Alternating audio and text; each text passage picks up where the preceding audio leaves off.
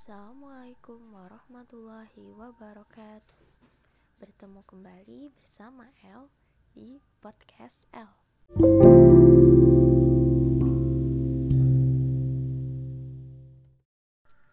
Oke, hari ini El bakal ngebahas tentang perkara yang berhubungan dengan amal. Supaya lebih berkah, kita awali dengan Bismillah. Bismillahirrahmanirrahim. Hari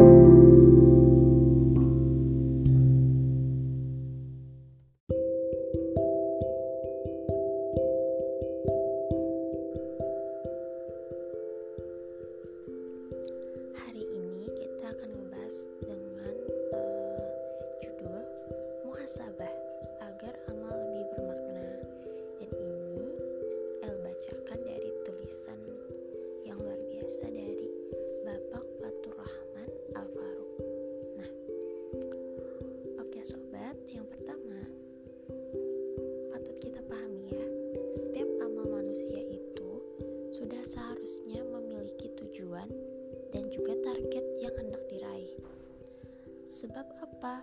Sebab kalau tidak, maka manusia akan terseret dalam yang namanya euforia sesat yang berujung pada sikap apatis dan masa bodoh. Dan inilah awal kehancuran kehidupan manusia itu sendiri. Sepanjang hidupnya nih, manusia itu tak luput dari yang namanya beramal, meski sekecil apa pun itu walau sebesar zarah pun. Amal itu terasa bermakna ketika kemauan itu berbalut kesadaran yang mendorong manusia melakukannya. Nah, kesadaran pula lah yang menjadikan manusia paham apa yang hendak diraihnya ketika beramal. Bukan seperti laku mesin yang tak mengerti apa pun selain bekerja sesuai sistem mesinnya semata. Atau ya kalau bahasa mudahnya sih kayak robot gitu. Meniscayakan manusia itu melakukan muhasabah pada setiap amalnya.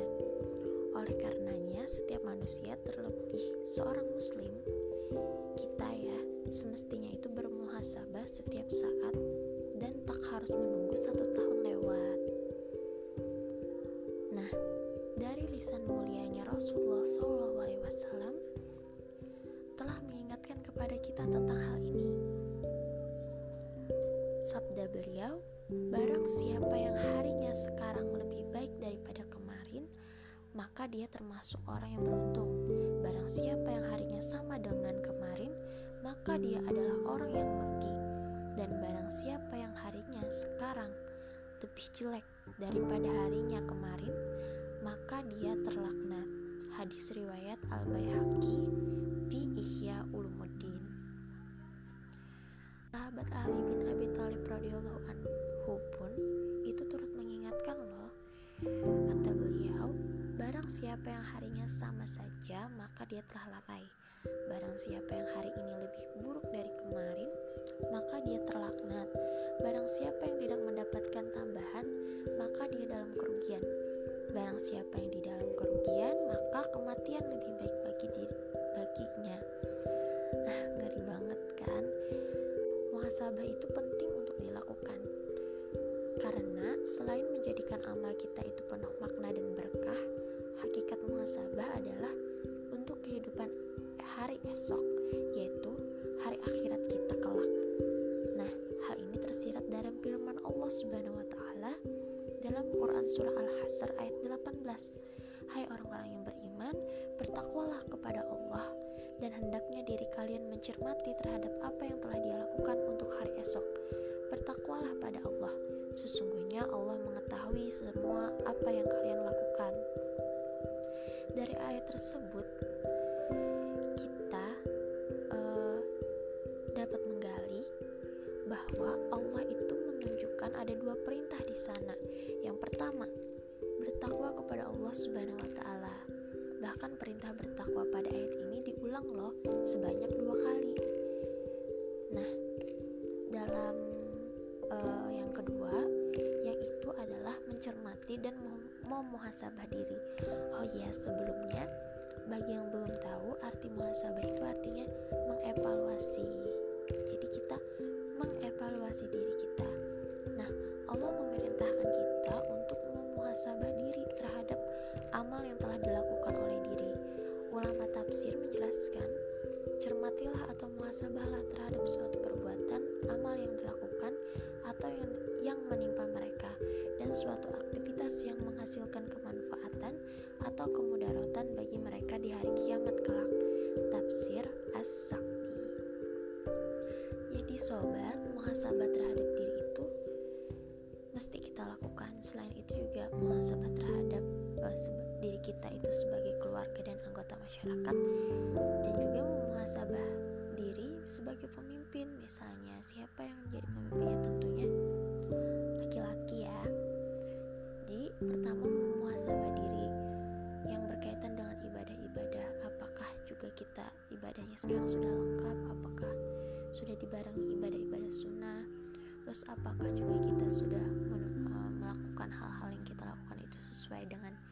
syariatnya ataukah justru kita menyelisihi syariatnya?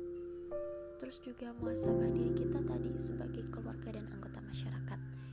Apakah kita sudah membimbing keluarga kita untuk menjadi taat masyarakat menjadi taat? Ataukah justru kita sudah menjerumuskan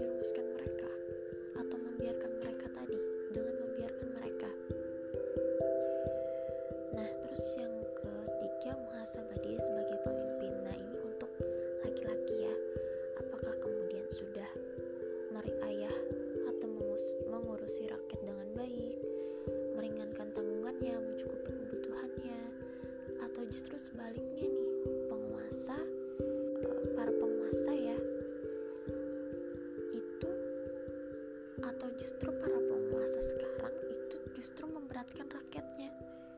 Pajak misalnya semakin meningkat. Iuran-iuran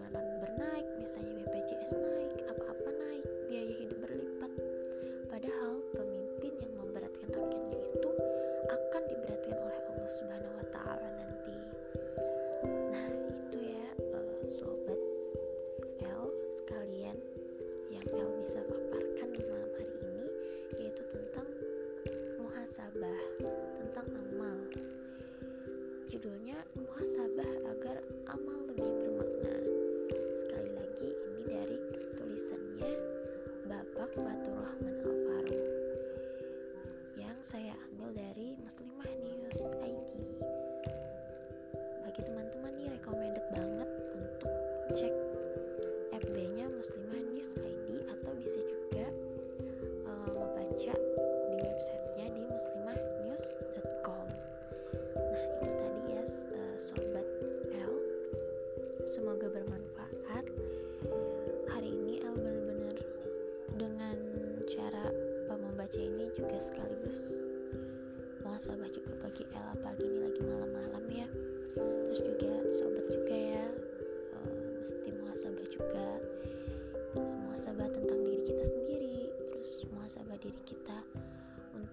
masyarakat dan juga keluarga sebagai keluarga dan masyarakat tadi.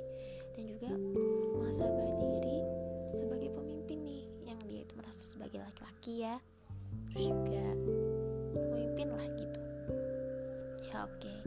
sampai di sini dulu ya uh, sobat L nanti kita cerita-cerita lagi besok atau besoknya atau besoknya atau besoknya lagi. Um, salah hilap L mohon maaf Semoga masih bisa kedengaran dengan jelas. Oke deh. Uh, wassalamualaikum warahmatullahi wabarakatuh. Bye bye.